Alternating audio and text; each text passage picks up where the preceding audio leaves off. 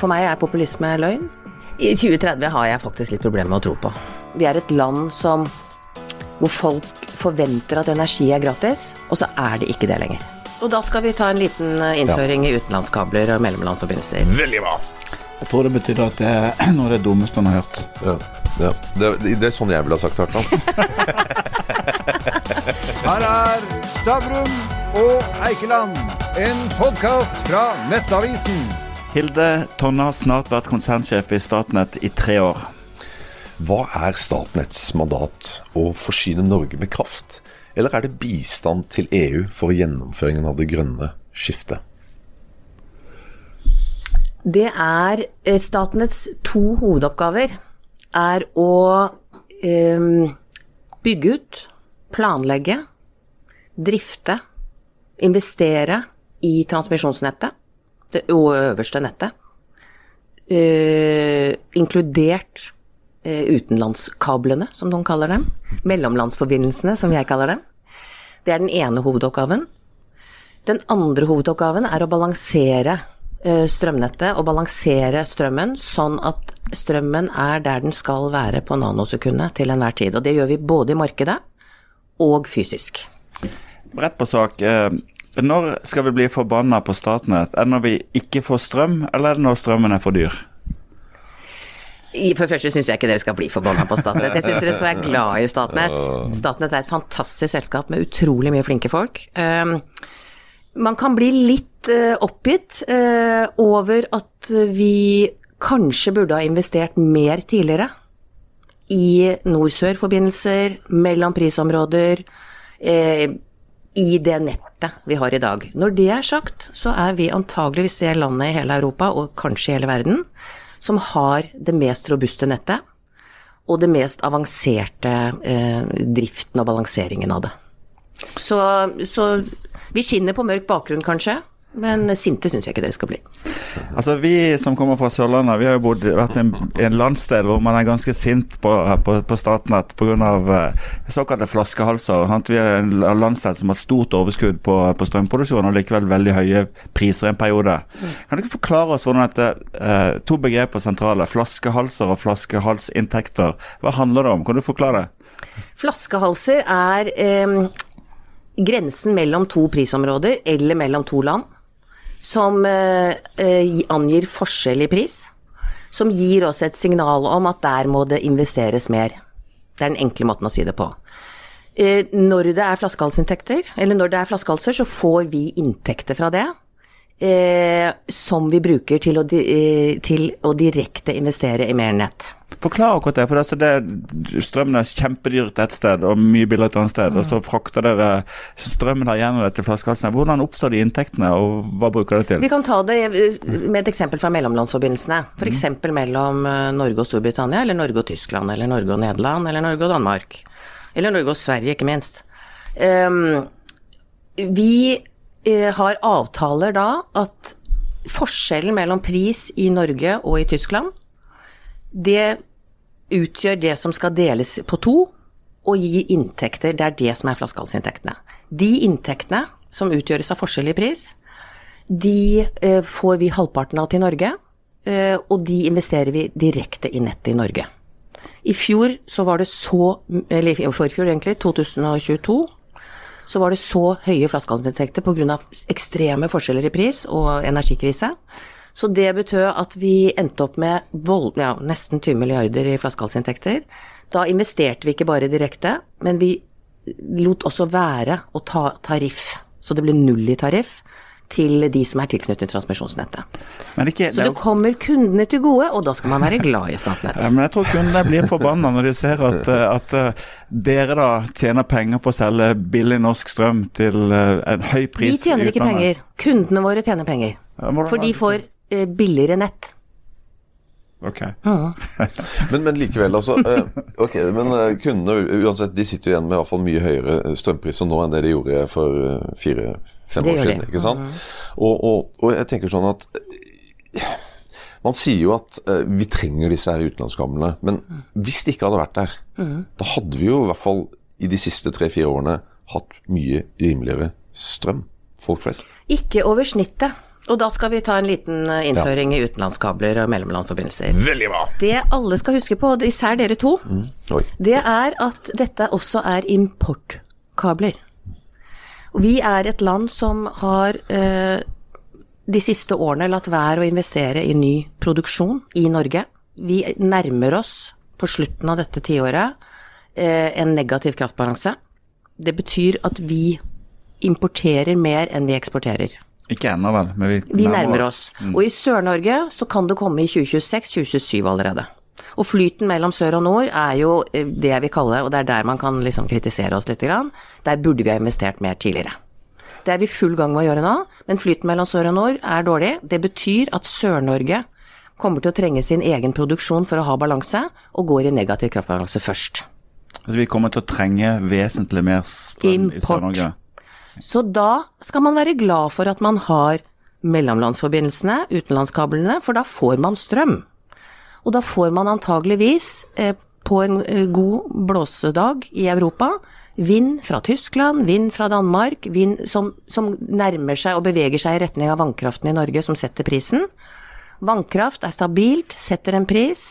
Da ønsker kraften å bevege seg fra Tyskland, fra Nederland, fra UK, fra eh, Danmark, fra Sverige også, inn i Norge. Og vi nyter godt av billig vindkraft. Importkabler kan vi begynne å kalle dem. Og det, vi går i den retning, faktisk. Okay, Sånn at, og, og en ting til, jeg må bare få sagt det. Vi hadde en forsyn, Du nevnte forsyningssikkerhet i stad, og det er vår hovedoppgave. Ikke sant? Vi skal sikre forsyningen, vi skal ha lys i lampa, og det klarer vi. I 2022 så sleit vi med det, fordi det var tørre magasiner. Og det var tørre magasiner i hele Europa, det var jo lite vann. Kjernekraften leverte veldig mye mindre i Frankrike enn man trodde. Det var energikrise, og selvfølgelig Russland-gassen ble borte. Da sitter alle der med lite energi og for lite energi, og våre vannmagasiner kunne ikke hjelpe. Så tørrår samtidig med Russland og kjernekraft som leverte halvparten. Det som da skjedde, var at vi var avhengig av import i fem uker i strekk. Kontinuerlig. Hadde vi ikke hatt det, hadde, og det var dyrt selvfølgelig, men hadde vi ikke hatt det, så hadde vi kanskje måttet rasjonere industrien. Det skjer på Island fordi de ikke har mellomlandsforbindelser. Men, men hadde kanskje vannlagerne vært eh, høyere, hadde vi ikke da eksportert før disse Vi eksporterer når det renner over. Ja, ok. Så det er liksom så, så, det, så det er helt eh, men, men bare så jeg forstår riktig, så, så, så ikke jeg misforstår. Mm. Så det du sier er at i, i, siden energikrisa disse høye strømprisene kom, så ville ikke norske forbrukere hatt billigere strøm i denne perioden nå, i snitt, altså over eh, I snitt over tiden så Altså, vi har jo hatt noen diskusjoner på 10 øre mer, 2,3 øre mer Altså alle disse diskusjonene her går jeg ikke inn på, fordi analysene er eh, mildest talt vanskelig å konkludere på. Men det, vi, det som er viktig, er at forsyningssikkerhet er en faktor i dette eh, bildet. Eh, da trenger vi import. Noen ganger er den importen faktisk billigere fordi det er vind som ikke finner noe annet sted å gå. Da får du den noen ganger til null, ikke sant? det er derfor vi har nullpriser noen ganger. Eller voldsom solproduksjon i Nederland, nullpriser i Norge. Det, det man skal tenke på er eh, når det er en energikrise i Europa, og vi er det landet som er, har vært i 40 år mest eh, knyttet sammen med nordiske land, og etter hvert også andre europeiske land, så er vi en del av Europa allerede.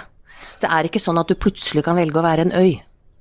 Så det spørsmålet er ikke relevant, unnskyld at jeg sier det. Ja, men det er lov. Det er lov. Unnskyld at jeg svarer deg, da. Altså, når, når konsesjonskraft prises til 12 øre per kilowattime, altså det vil si at hva er, hva er kostnadene ved å produsere strøm på nedbetalte kraftanlegg? Og vi er nettoeksportør av strøm. Så I perioder. ja, men også totalt sett. Det er det er veldig lite over. Fortsatt er vi det. Ja. Og så, så kunne sagt at okay, jeg, jeg kunne levd med at de stengte ned noen smelteverk på, på Vestlandet. Ta denne. Hydro. Jo, men jeg kan ta det for meg selv og for de 5,5 millioner innbyggerne i landet. Så tror jeg vi har levd med det. Men jeg har lyst til å spørre deg et Det syns spørsmål. jeg er en underlig kommentar. Nei, syns du det? Ja, hva skal du leve av da, hvis Hva? du ikke har ja, industri? Skal du avindustrialisere Norge? Det er jo ikke sånn at det er veldig mange som lever av industri i Norge.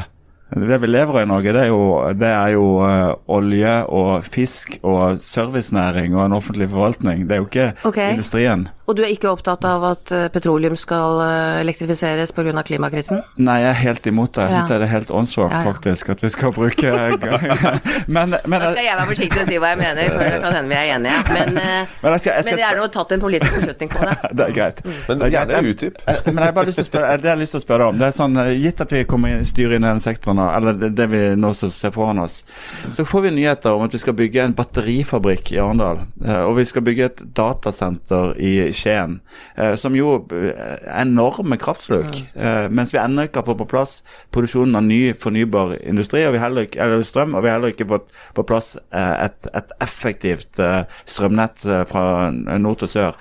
Hvorfor skal vi glede oss over disse tiltakene der? Jeg, jeg vil ikke forlange at du skal glede deg over det, egentlig. Det, jeg vil tenke litt mer prinsipielt. Eh, For det første så, så tenker jeg at Norge har en fantastisk mulighet til å posisjonere seg i det grønne skiftet. Eh, Ved at vi har eh, Det er jo en grunn til at vi importerer etter hvert, fordi at vi har eller vi har en grunn til at vi har industri her fremdeles som baserer seg på, på eh, grønn kraft. Vi har billigere kraft enn veldig mange andre steder i hele verden. Derfor ønsker Hydro å være her, derfor ønsker Google å komme hit, derfor ønsker Yara å utvide sin ammoniakkproduksjon. De tingene skjer fordi vi har gode kraftbetingelser. Til industrien og til folk. Så kom tilbake til at eh, vi har jo faktisk den eneste landet i verden som har makspris. I Europa i hvert fall. Når det gjelder prioriteringer som du egentlig snakker om, skal vi være glad for Google, skal vi, glad, skal vi velge mellom Google og, og eksisterende industri? Viktige spørsmål som jeg er helt enig med deg i. Det bør man diskutere.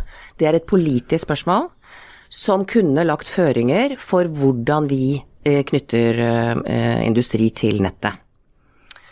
Det har vi ikke lov til. Vi er regulert på en måte som tilsier at vi skal ikke forskjellsbehandle. Det skal være førstemann til mølla. Og det eneste vi har fått lov til etter å ha bedt om det en stund, er å jobbe systematisk og transparent med modenhetskriterier. Så hvis et prosjekt har stått i kø nå et år uten å vise til at det går fremover Nå tok vi, nå tok vi f.eks. Freyr ut av køen for, i forrige uke eller uka før der, var det vel. Fordi da har de stått stille en stund. Av flere årsaker. Morrow har ikke stått stille på Sørlandet. Sånn at det kan vi gjøre. Men vi har ikke lov til å prioritere. Vi kunne ha prioritert på klimaeffekt, vi kunne ha prioritert på arbeidsplasser, vi kunne ha prioritert på all verden som du måtte ønske deg. Men da, det må være politiske beslutninger som tas. Det er det ingen som har ønsket å ta. Hvordan, ja, Forklar mer på det. for det så, så jo, Jeg kommer til og med i skade for å gi dere litt mer skyld enn jeg fortjener. Det forhold- gjorde du, og det har jeg notert meg. Mm. Men, da, Men vi, vi rister det av oss. men da, for da, da, da, allokerte dere jo sånn kraftleveranse til Google i Skien, og det, det står for noe sånn som 2% av Norges eh, totale energiforbruk Ja, i året.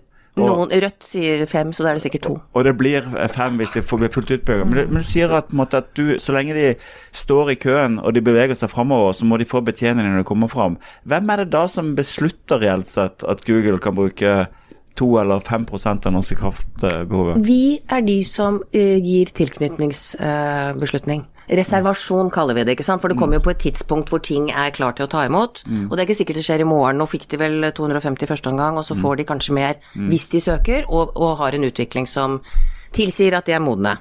Vi har, men, men, men du peker på et dilemma som jeg syns er interessant. Ikke sant? Vi har samme diskusjon i Skien, eller i Porsgrunn med Yara ammoniakkproduksjon. Ønsker seg 500-600 eh, megawatt, og har blitt reservert. Tenk hvis vi hadde måttet si nei til Yara og ja til Google, fordi Google kom først i køen. Da slapp vi det, begge får. Jeg er bare interessert i, Det kunne ha skjedd. Er det noen som vurderer om det er til gagn for Norge at Google bygger det senteret? Altså, er, du sier at det, Vi er- vurderer modenheten, bortsett fra det er det førstemann til mølla. Ja, det jeg, jeg, er jeg skylder ikke på dere nå, det er bare interessert i å vite om det er noen jeg vil overhodet som gjør nesten si um, Jeg vil nesten si nei til det spørsmålet. Og, og vi har vært veldig klare i våre høringsinnspill og, og dialog med både eier og myndigheter som sådan, og sagt at det ville hjulpet oss veldig i en enorm kø. Som vi nå er faktisk er i ferd med å levere ganske godt på, det vil jeg si. Eh, Men denne køen, vi hadde sortert den enda bedre hvis vi hadde hatt noen kriterier. Og det er flere som har ment dette. Nettutvalget mente jo også det. Mm. men det er det ingen politikere som ønsket å ta i. Du har ikke lyst, rett og slett?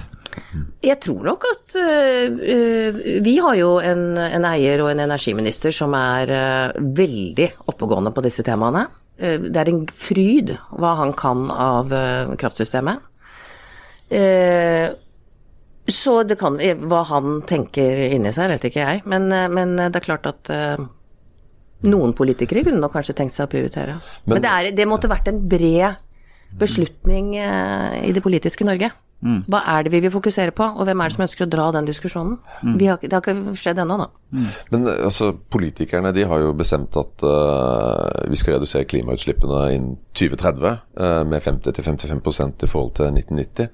Så langt har vi vel klart litt under fem, så det er ikke mange årene igjen. Uh, og uh, vi vil jo uh, trenge 30 terawatt-timer mer grønn energi eh, for å klare det også. Mm. Ja, hvordan ligger vi an, da? Tror du, tror du på det, du? I 2030 har jeg faktisk litt problemer med å tro på. Jeg må si det. Eh, eh, vi i Statnett jobber i forhold til det. Eh, men det hjelper jo ikke å ha nett hvis du ikke har energi. Eller effekt, som vi kaller det. Altså peak energi. Og det hjelper ikke å ha nett hvis du ikke har en tydelig etterspørsel. Nå har vi en tydelig etterspørsel. Vi har sortert køen. Det er imponerende mye interesse for industrialisering basert på grønn kraft i Norge. Eh, denne etterspørselen må selvfølgelig komme der det er produksjon, og der det er nett. Vi har etablert et målnett som skal være ferdig i 2040, og vi har utgitt en systemutviklingsplan, vi har områdeplaner. Vi jobber i forhold til å levere på det. Men så sier vi, når vi gjør det, så må det skje et par ting. Vi må få konsesjoner i tide, og det må være raskere enn i dag. I dag er det svært sakte. Og vi må, få, vi må kunne levere nett der det er produksjon. Så hvis du tar Finnmark f.eks., kraftløftet som regjeringen kom med, da kan vi si vi kan levere linjene inn til Øst-Finnmark av forsyningssikkerhetsårsaker, av sikkerhetsårsaker og av grønt skifteårsaker og verdiskapningsårsaker. Det kan vi gjøre innen 2030 hvis vi får konsesjon. Eh, vi har ikke fått det ennå, og nå spøker det litt for at vi klarer 2030. Men og så, i tillegg, så må vi jo bygge ut via Lebesby inn til Varangerbotn, for der antar vi at det kommer vindkraft på land. Dere, så får vi håpe det. Men anta, altså dere må vel vite før dere setter i gang store utbygginger eller ekstra utbygginger? Dette er litt sånn høna og egget. Ja. Eh, hovedbegrunnelsen for Øst-Finnmark er forsyningssikkerhet og eh, sikkerhet. Og, og det har jo blitt forsterket de siste årene. At vi skal ha folk der oppe. Vi skal ha et robust nett også i Finnmark. Det er i dag et ikke så robust nett, for å si det sånn. Men ikke, eh, La oss bare skjære igjennom, for du, du, sier det jo diplomatisk. Men det er sånn, vi er i 2024. Det er helt umulig at vi klarer å produsere den kraften vi tror vi trenger i 2030 for å gjennomføre det grønne skiftet. I forhold til de målsetningene ja. tror jeg er vanskelig. Ja. Hva tror du kommer til å gi etter, da? Altså Hvor er vi nødt til å fire på ting? Når vi kommer til 2030? Nei, Det som er utfordringen, det som jeg ser på som utfordringen, og vi har snakket om snart i tre år, vi har faktisk hatt en strategi i to og et halvt år som har sagt dette, vi ser jo, det er jo vi som ser voldsom interesse og økning i forbruk. For vi er tilknytningsansvarlige, og vi har plikt til å tilknytte. Så det er vi som ser tallene, og vi har sett de kanskje litt før andre. Og da har vi sagt vi går i retning av en negativ kraftbalanse. Eh, og nå begynner flere og flere å si det. Det er flott. Eh, om tre til fire til fem år. Eh, hvis vi ikke investerer i ny produksjon. Og den må komme fort, og da er det vind på land som er løsningen. Sol er litt, men det er jo grenser for mye sol der i dette landet. Unnskyld at jeg sier det. Og da, hvis det ikke skjer, så ender vi opp med eh, å få Da får vi høye priser. Hvis vi ikke capper det sånn som vi gjør i dag. Eh, da får industrien så høye priser at de kan komme til å reise til Sverige. For i Sverige investerer de massivt i vind på land, og de gjør som oss, investerer massivt i nytt nett. Svenska kraftnett har akkurat samme problemstilling som oss, og investerer også massivt i nettet, og har målsetninger rundt det som ligner på våre. Eh, og det som er forskjellen mellom Norge og Sverige, er at der investerer de kraftig i vind på land. Men Har dere fullmakt til å rasjonere, eller er det bare prisen da som vil regulere hvem som bruker strøm? Hvis det er krise, så har vi fullmakt til å rasjonere. Mm. Og der finnes det forskjellige Vi var jo ute med det i 2022. Eh, da hadde vi jo en sånn litt berømt pressekonferanse, vi mente den var berømt i hvert fall, hvor vi kom med hvilke tiltak som vi anbefalte måtte til for at vi skulle klare å komme gjennom vinteren i tørrår med energikrise i Europa. Og da er det også rasjonering her på den lista. Men, men politikerne, altså Du må jo forholde deg til politikere hele tida nå, uh, som sjef i, i Statnett. Uh, innimellom, i hvert fall. Ja, innimellom. Ja, ja, men uh, det er Ikke hele tiden. Nei, nei, ikke hele tiden. det er vi alle glad for. Ja.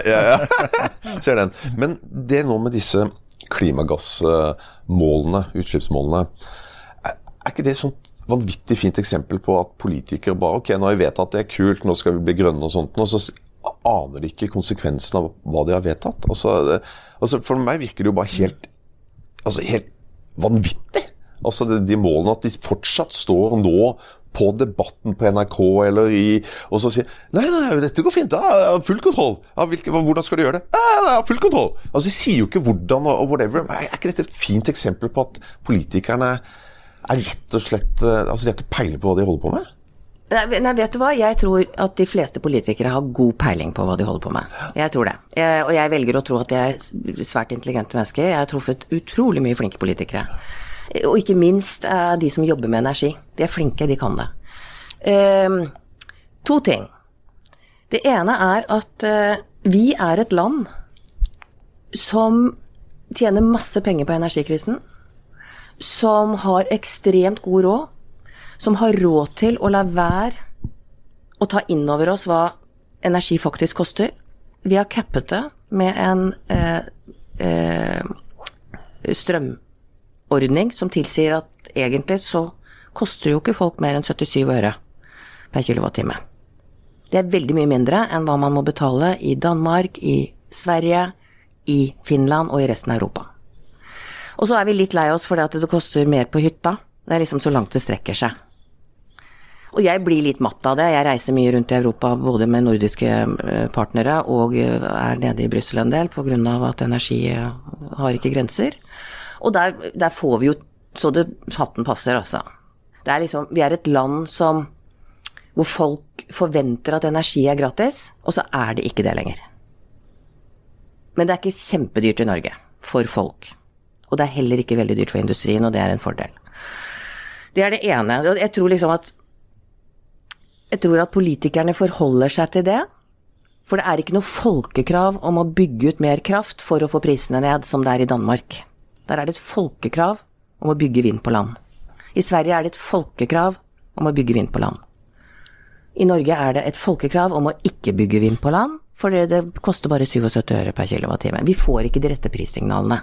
Så akkurat den ordningen der håper jeg vi faser ut etter hvert, sånn at vi får en forståelse for at energi virkelig, virkelig, virkelig koster. Og så er det en stor endring for folk i Norge. Fra null til noe. Det skjønner jeg. Jeg har stor forståelse for det, og jeg har stor forståelse for at små og mellomstore bedrifter sliter, f.eks. Der, der tror jeg vi merker restrukturering. De som har basert seg på at det koster null. Så den er tung. Det andre er Jeg var på Oslo Energy Forum nå i, i går og i forgårs. Det er én ting som kommer frem mye mer enn for noen år siden i det globale og i Europa, og det er just transition. Altså rettferdig overgang til det grønne skiftet. Det kommer til å kreve så mye lederskap å lose verden igjennom dette grønne skiftet. Det kommer til å kreve besluttsomhet fra politikere, og det kommer til å kreve masse endringer hos folk. Det å dra et land som egentlig har det ganske ok, gjennom det, er veldig vanskelig. Og jeg tror vi sitter litt i midten av det akkurat nå. Samtidig som jeg har, og jeg har også sagt uh, tidlig 2024, jeg tror vi er i ferd med å samle oss i Norge om hva vi må gjøre. Jeg tror det. Uh, og det er, men, men, for norske politikere å dra det grønne skiftet i Norge, hvor vi sitter egentlig og tror at verdiskapningen kommer fra et hull i bakken ute i Nordsjøen, og egentlig ikke har følt på kroppen Eh, hele krisa. Det er ikke lett. Men jeg tenker, kan de ikke bare stå og si at ok, ja, vi, vi, vi, har ikke klart å holde takten som vi burde ha gjort. og det gjelder, Dette gjelder jo alle partiene. for det er jo Høyresida har jo styrt i åtte år før dette. Og, mm. altså, det er ikke noe sånn at de siste to og et halvt årene det, altså, det, er jo, det, er jo, alle. og Kan ikke bare si at nei, vi, vi klarer det ikke? Istedenfor bare å stå der og Jo, jo, vi skal klare det. Altså, det blir jo bare helt dumt. Eller si vi må gjøre det og det. Ja. Det hadde vært fint, syns jeg. Jo, jo. Hva hvis jeg spurte velgerne, da? Tror du de ville sagt at eh, vet du noe, nå strøm, strømprisen var 15-20 øre per kWt tidligere.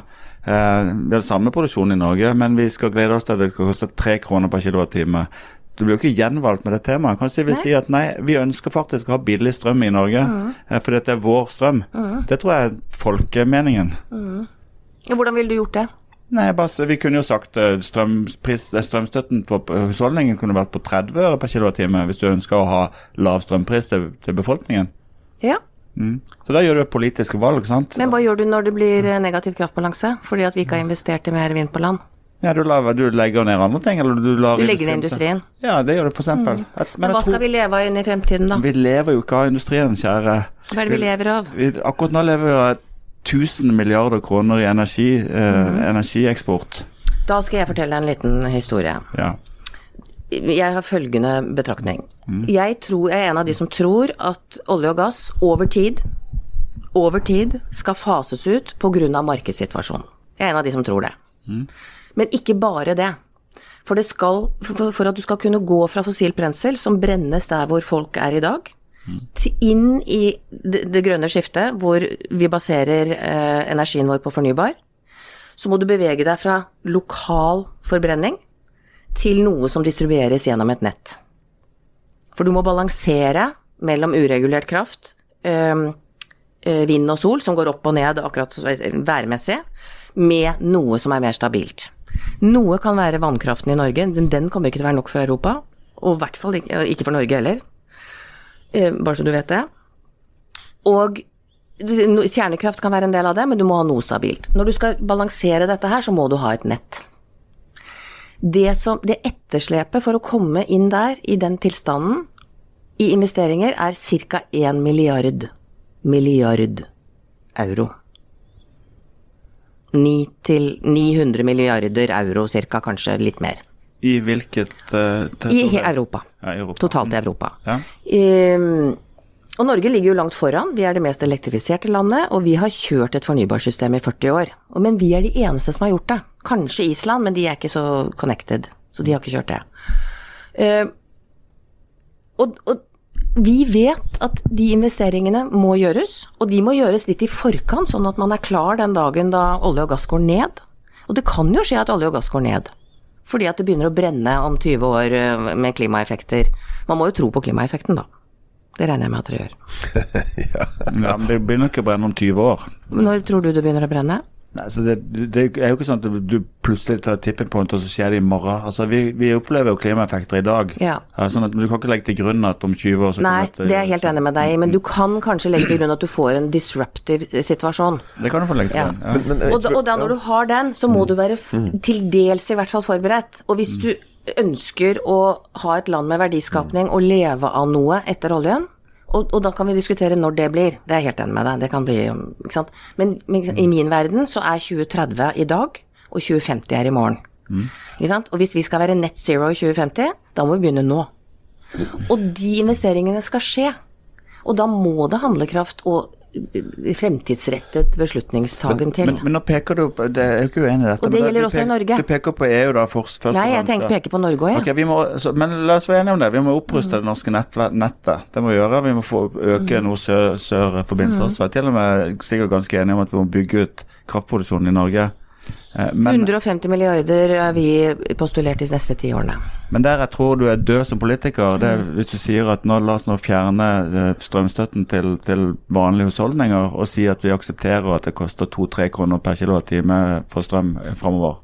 Og det er ikke sikkert vi trenger å gjøre, jeg sier ikke det. Og det er en politisk beslutning som jeg ikke mm. har noen ting med. Jeg bare sier at effekten av det er at vi som i Danmark ikke Altså, i Danmark har tilslutning til ny produksjon, især vind på land, gått fra ja, vi er sånn pass fornøyd med det, not in my backyard, mm. til nå må vi komme i gang. Mm. Fordi det koster dem to-tre kroner. Mm. Ikke sant? Ja. Så de prissignalene skal du ikke undervurdere. Det er en faglig markedsdesignbeskjed. Mm. Hva politikerne velger å gjøre, kan jeg ha forståelse for eller ikke forståelse for eller en mening om, liksom. Men norske politikere, jeg tror jo ikke de kommer til å gjøre det. Nei, Men de må være klar over effekten. Det handler også om hva velgerne ønsker. Mm. Ja, ja. Og de må være klar over effekten. Hvordan skal vi da få forståelse for at det må bygges øh, øh, ny produksjon. Tror, og det skjer nå, og der er jeg veldig med, med nåværende energiminister, ikke sant. De har lagt til rette for lokal forankring.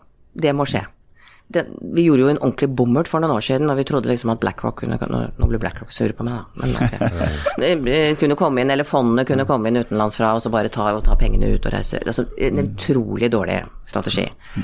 Vi må sikre at verdiskapningen skjer der lokalt hvor kraften produseres. Vi må la kommuner få lov til å bli kraftkommuner og tjene penger på det. Og folk må se verdiskapningen og arbeidsplassene. Da tror jeg det skjer. Jeg er veldig for det. I tillegg, vi må jobbe masse med bærekraftige løsninger og løsninger for natur.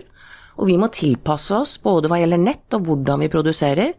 Hvor høye master, hvor høye, lange blader. Vi, må, vi, er nødt til å ta hensyn til det folk er opptatt av for å få dette her til. Det er det jeg mener med just transition, rettferdig overgang. Ellers så skjer det ikke.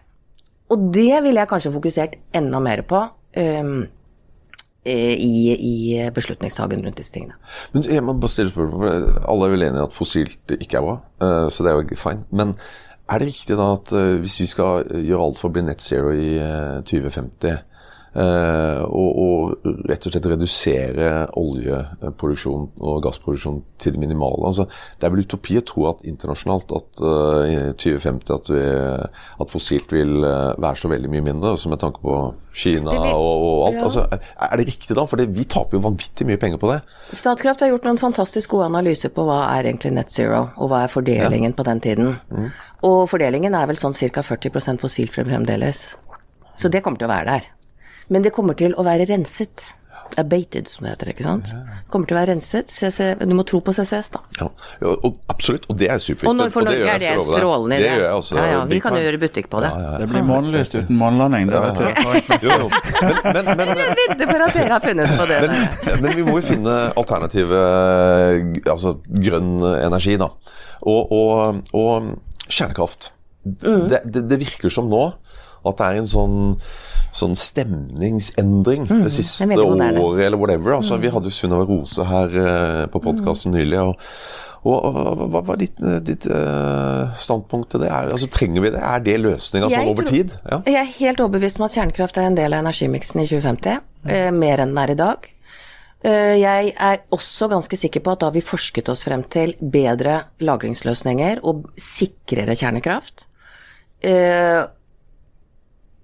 og det jeg mener vi skal bruke tid på i Norge, som jeg også var opptatt av da jeg var styreleder i Forskningsrådet, er å forske på kjernekraft.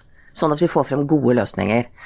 Eh, det jeg vet om kjernekraft, og det jeg ser av kjernekraft i verden, er at det er faktisk ikke så veldig sikkert som man tror. Det er veldig, veldig sakte regulering og konsesjonsprosesser av det. Eh, du kan spørre finnene hvordan det er å vente på kjernekraft. Eh, det, er, det tar veldig lang tid, og det koster en haug med penger. Men at det er en del av løsningen om en stund, det tror jeg på. Det, det er ikke noe som løser energiutfordringene i Europa i dag. Og ikke de neste ti årene, og kanskje ikke de neste 20 årene. Men Sorry. Du nevnte finnene. Eh, mm. Synnøve Rose, hun, eh, der, nå husker jeg ikke helt hvilken rapport, men hun viste til der at med den nye teknologien som de har tatt i bruk der, så, så, er det altså Faren for, eh, for, ulykker er så ekstremt liten mm. Eh, at, eh, at, den der at Å, kjernekraft vil ikke ha det i bakgården eller i kommunen din og sånt mm. noe. Den bør ikke uh, Det kan godt hende stemmer. Ja, ja. Og det jeg tror på det Jeg, jeg har jo finske kolleger i, i Fingrid. Uh, de er ikke veldig forkjuste. De har måttet vente i 18 år.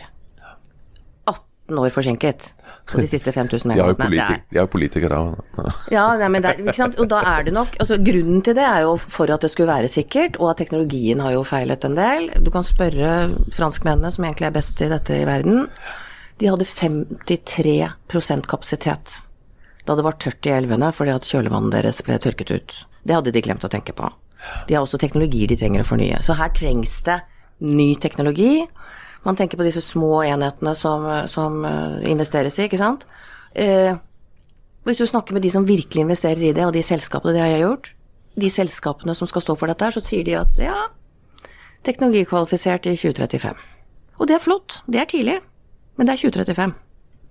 Men la oss, la oss se litt, litt sånn kort, litt kortere horisont her, og la oss være litt mindre sånn eh, populistiske i forhold til hvor dumme enkeltpersonene og politikerne er. For det er, jo, det er jo systemer vi snakker om her. sant? Mm. Og, vi, uh, og du, du, holder fram en situasjon hvor vi kan se for oss at vi blir nettoeksportør netto Jeg mener ikke at enkeltpersoner er dumme. Nei, det var ikke det jeg refererte til. Ah, du, var det Ole, det? Ja. ja Ole. Okay. Nei, eh, tenker, la oss si at det er 2026-2027, hvor vi da blir nettoimportører av, av strøm, ifølge din analyse. Og, ja, hvis vi ikke investerer, ja. Mm. ja og, vi, og, vi, kan se fram mot 2030, hvor vi kan risikere å, å, å måtte gjøre en del, en del prioriteringer. Og, og, strøm kan være en Det blir i hvert fall dyrt for oss. Ja, og strømpris kan være en kan være reguleringsmekanisme hvis ikke du tar andre valg da. Mm. Jeg antar at dere lager scenarioer på dette i Statnett. Hva, hva, hva, ser du for deg, gitt, gitt, det du nå vet? Eh, hvordan blir dette? Nei, egentlig, Dette er litt interessant, da. For hvis vi skal være litt systemiske, jeg er helt enig med deg. Um, husk på det, vi skal gjøre det som er samfunnsøkonomisk rasjonelt. Mm. Samfunnsøkonomi i Norge er en god tradisjon. Vi er et veldig statlig eiet land. Samfunnsøkonomene passer på pengene våre. Og de sitter jo stort sett i Finansdepartementet, men de sitter jo andre steder også. Samfunnsøkonomisk rasjonale gjennomsyrer våre beslutninger. I Statnett også? I Statnett også. Ja, er du gæren. Ja, og vi har utrolig mye flinke samfunnsøkonomer. Det, det har liksom vært en tradisjon til å tenke mer på kostnad enn på nytte. Og nytte betyr egentlig at man tjener penger på det, det var en måte å si det på, eh, mm. samfunnsøkonomisk. Eh, og, eh, og, så har man i hvert fall aldri før nå tenkt på bortfall av nytte. Så hvis du snakker med samfunnsøkonomer om ja, men hva, hva med det vi taper på å ikke tiltrekke oss grønn industri, som flytter til Sverige istedenfor? Regner vi med det? Nei, det regner vi ikke så mye på. Men vi regner veldig mye på kostnadene vi investerer. Mm. Eh, det driver vi og diskuterer en del, både internt eh, med vårt styre og med, med eh, embetsverket. Gode diskusjoner, og jeg tror vi kan komme dit hen hvor vi i større grad klarer å tenke at det er samfunnsøkonomisk nyttig å investere i infrastruktur i forkant. Sånn at vi i hvert fall er der i tide når vi trengs. Tradisjonelt har vi investert veldig fragmentert og veldig forsiktig, og det har aldri skjedd at vi har overinvestert. Men det har skjedd at vi har underinvestert, og det sitter vi litt med nå. Og ennå, igjen da, jeg bare gjentar, Statnett og Norge har ligget foran. Så de andre sliter mer. Men dette, dette er plan A. Plan, dette er plan A. plan A. Du får de til å investere, ja. men plan B er jo at, du, at vi fortsetter som nå. Så fortsetter da? vi som nå. Mm. Uh, ja, og, eller vi investerer, men vi investerer ikke i produksjon. Mm. Det kommer ikke, for det er vanskelig. Mm. Og, og, og, dette har med folk å gjøre, og det har med samfunnet å gjøre. Uh, da kommer det til å løse seg. Og da er det litt sånn som du antyder, ikke sant. Det er ikke så farlig. For da kommer den interessen for å investere i Norge til å flytte seg til Sverige, til Danmark, til Tyskland, men kanskje især til Sverige i første omgang. Hvor du har samme situasjon som i Norge, bare med mer produksjon som er mer i balanse. Og med lavere priser. Og da, sitter, da går jo forbruksetterspørselen ned. Vår kø blir kortere. Og vi sitter der med og klipper håret på hverandre, da. Og hva blir prisene i Sverige, da? På energiprisene? Hva, hva, hva, Nei, de, de, ligner jo altså Vi er jo helt siamesiske tvillinger med Sverige. Mm. Og vi har vært sammenknyttet med Sverige veldig lenge. Vi har bl.a. planlagt for at all nord sør kan gå gjennom Sverige. Nå kan det jo ikke det lenger, for den vil mm. Sverige ha selv. Og da sitter vi jo der. Uh, nå må vi investere mer nasjonalt.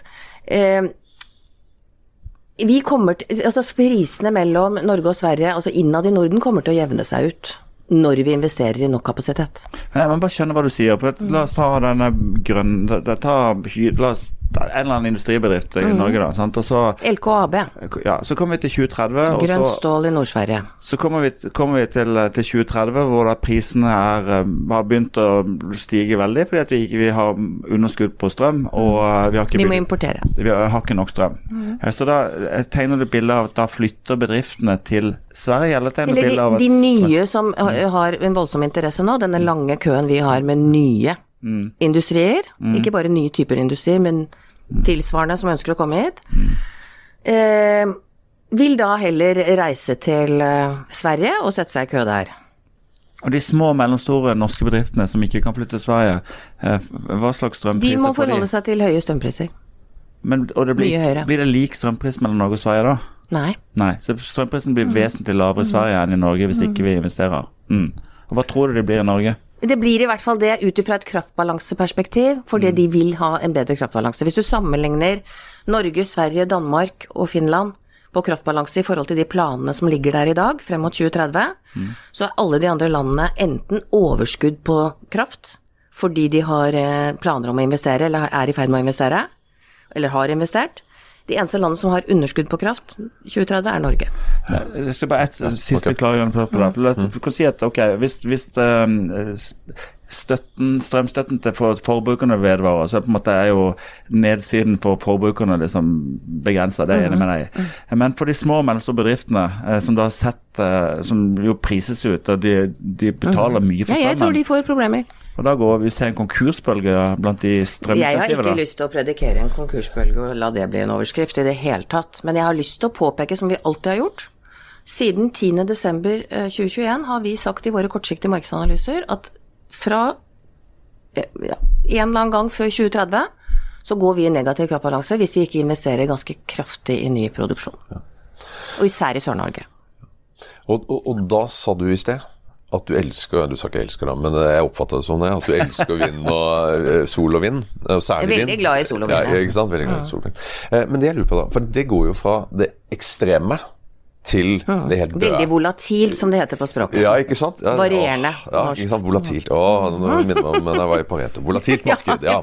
Og så, men så, så da løper da, da, De krever jo vanvittig eh, stor nettkapasitet, for de må jo Mhm. takle de store altså når det er ekstremt. Og, så, og, og da blir vel kostnaden med eh, altså, system. eh, ja. system Ja, bo- Det krever balanse. Ja. Balansering, og det er jo vår jobb. Ja. Så, så det, det krever ikke bare balansering som vi gjør det i dag, men det krever krever automatisert balansering. Og her kommer massiv investering i kunstig intelligens, massiv investering i digitale løsninger, for å få, og det er vi midt inne i. Vi investerer 1,5 milliard vi i året i digitale løsninger. Noe alt er ikke inn i systemdriften, som, som det heter, altså denne balanseringen, men mye er det.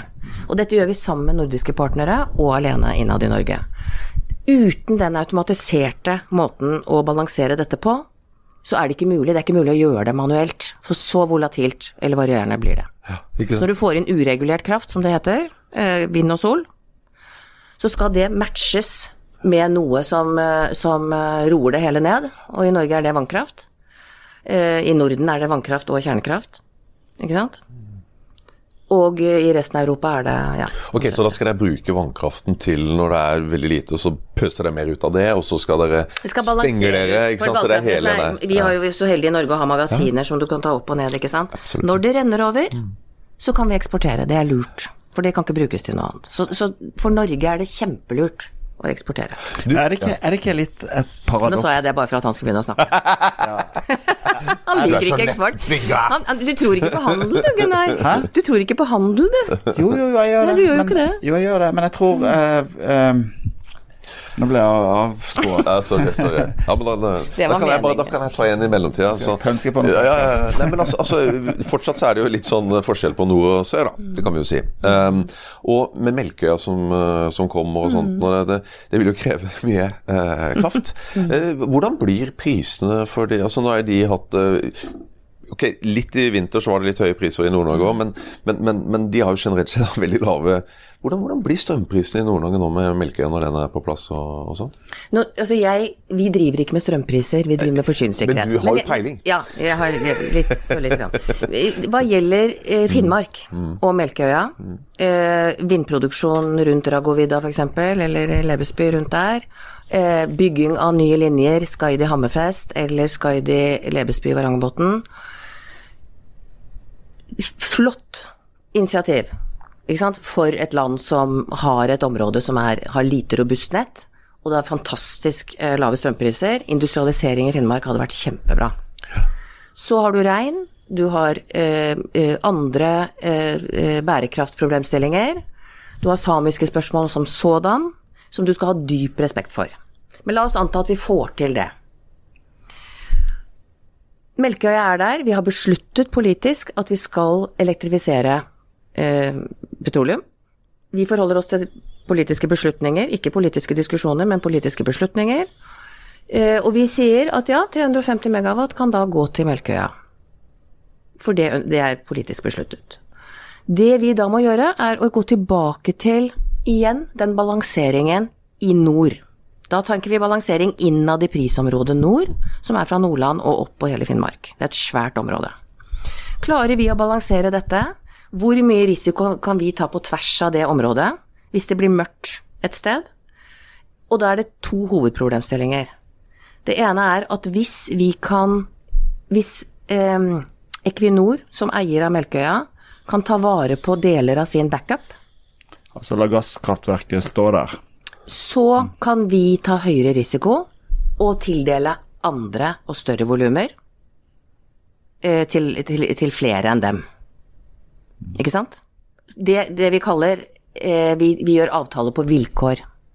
Og det har vi gjort i flere år. Det som kommer til å seile opp nå, er at vi trenger så mye fleksibilitet i balanseringen pga. denne uregulerte kraften som du snakker om, og pga. etterspørselen og stramheten. Den fleksibiliteten må komme fra det vi kaller våre kunder. Og Equinor er industri på linje med annen industri. Petroleum er industri. Og da må de gjøre dette på vilkår, og da må de deler av året, ikke ofte, enten eh, være forberedt på å Hvis det, går i svart et eller annet sted, så må de være forberedt på å kutte strømmen. Eller så må de ha egen backup.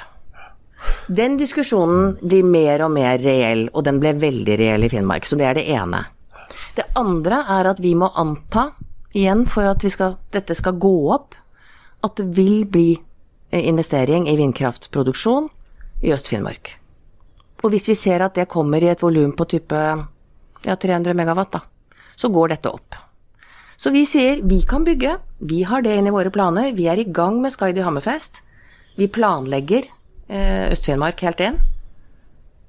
Og da forutsetter vi at det er litt backup her og der, og at vi gjør det på vilkår med våre kunder, og uh, inkludert Equinor, og at det investeres i vindkraft. Okay, så du sier at så lenge, Høna og egget. Ja, så lenge de beholder uh, altså sikrer seg med gassen, så ikke fjerner den helt, og at du bygger opp masse vindkraft, så, så, går det greit. Hvis ikke de gjør det, så blir det skyhøye priser. Ja, og vi gjør jo eh, risikobetraktninger her, og kalkuleringer og uh, sannsynlighetsberegninger herfra til månen. Og det er ikke mange dagene man skal trenge denne backupen, men den må være der.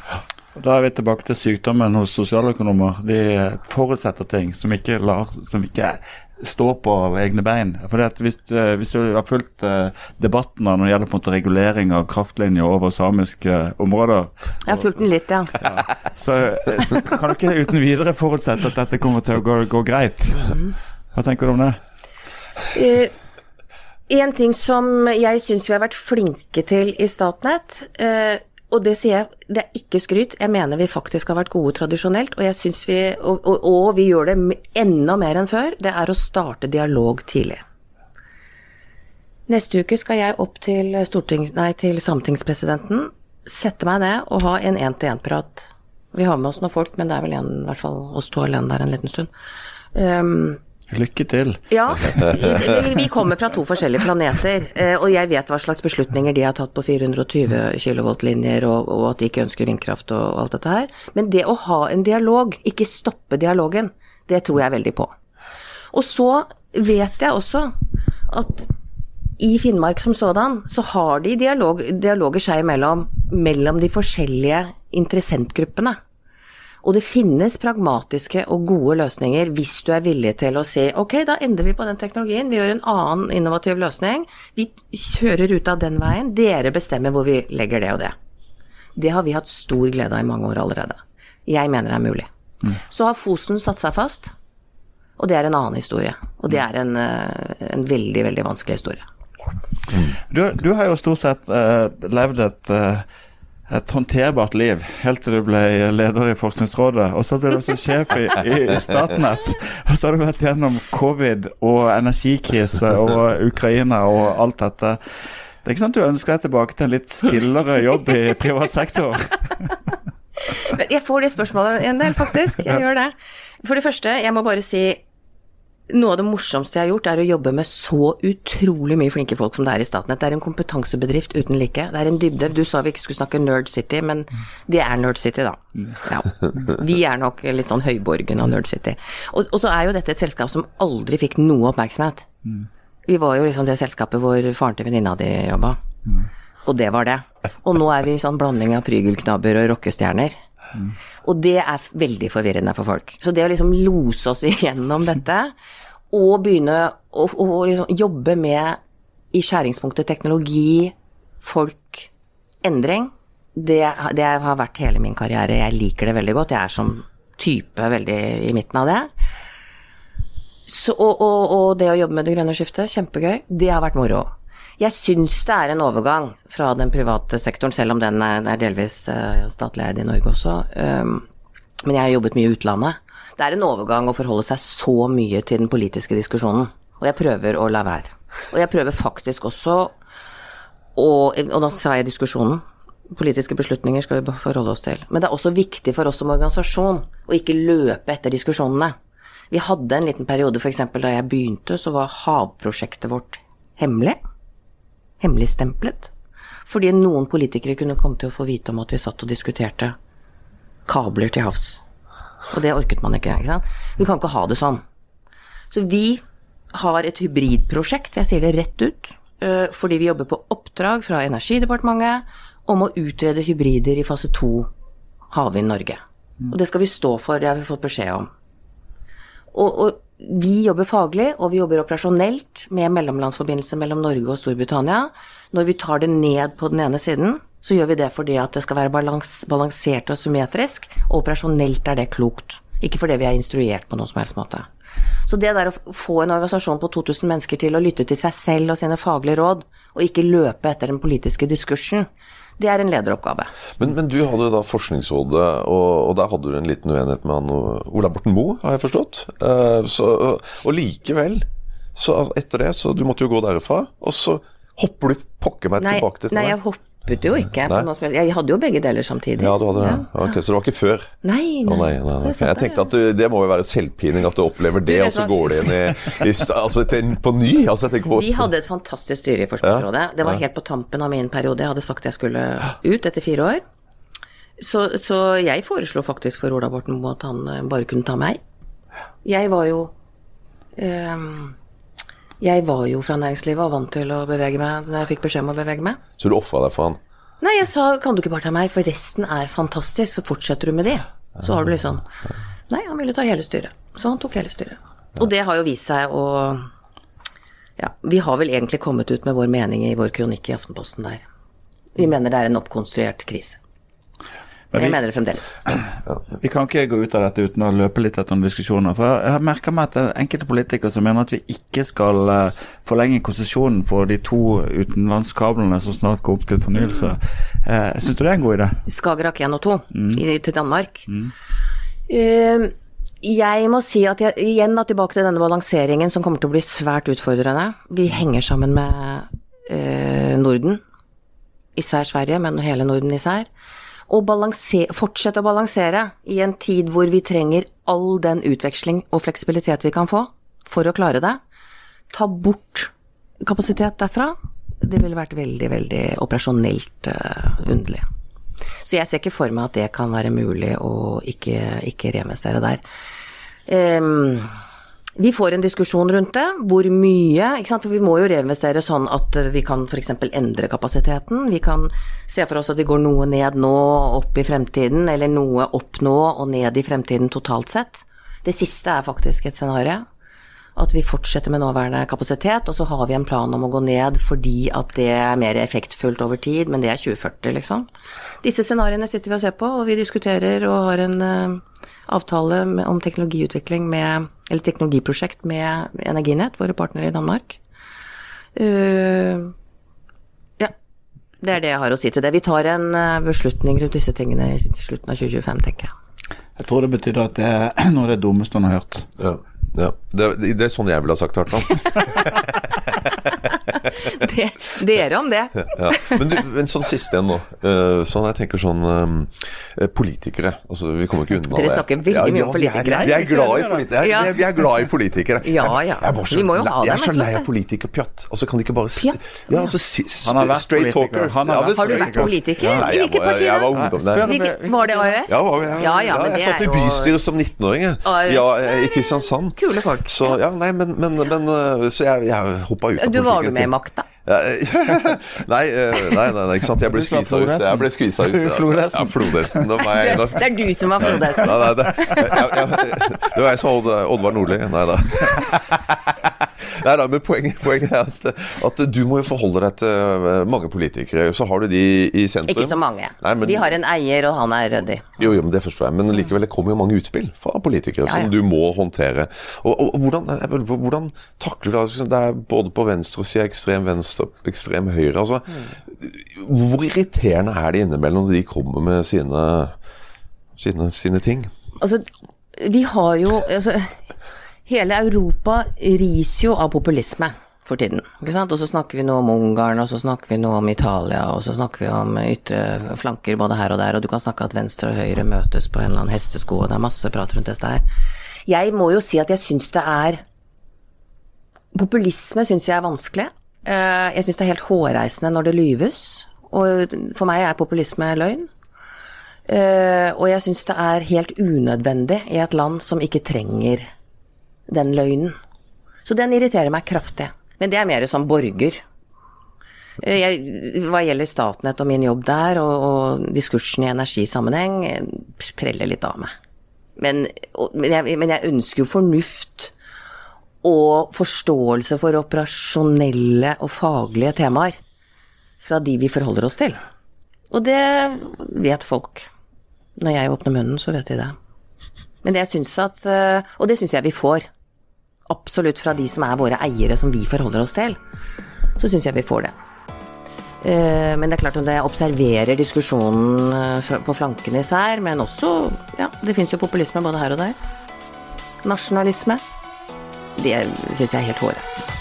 Du fikk Stavrum og Eikeland, en podkast fra Nettavisen.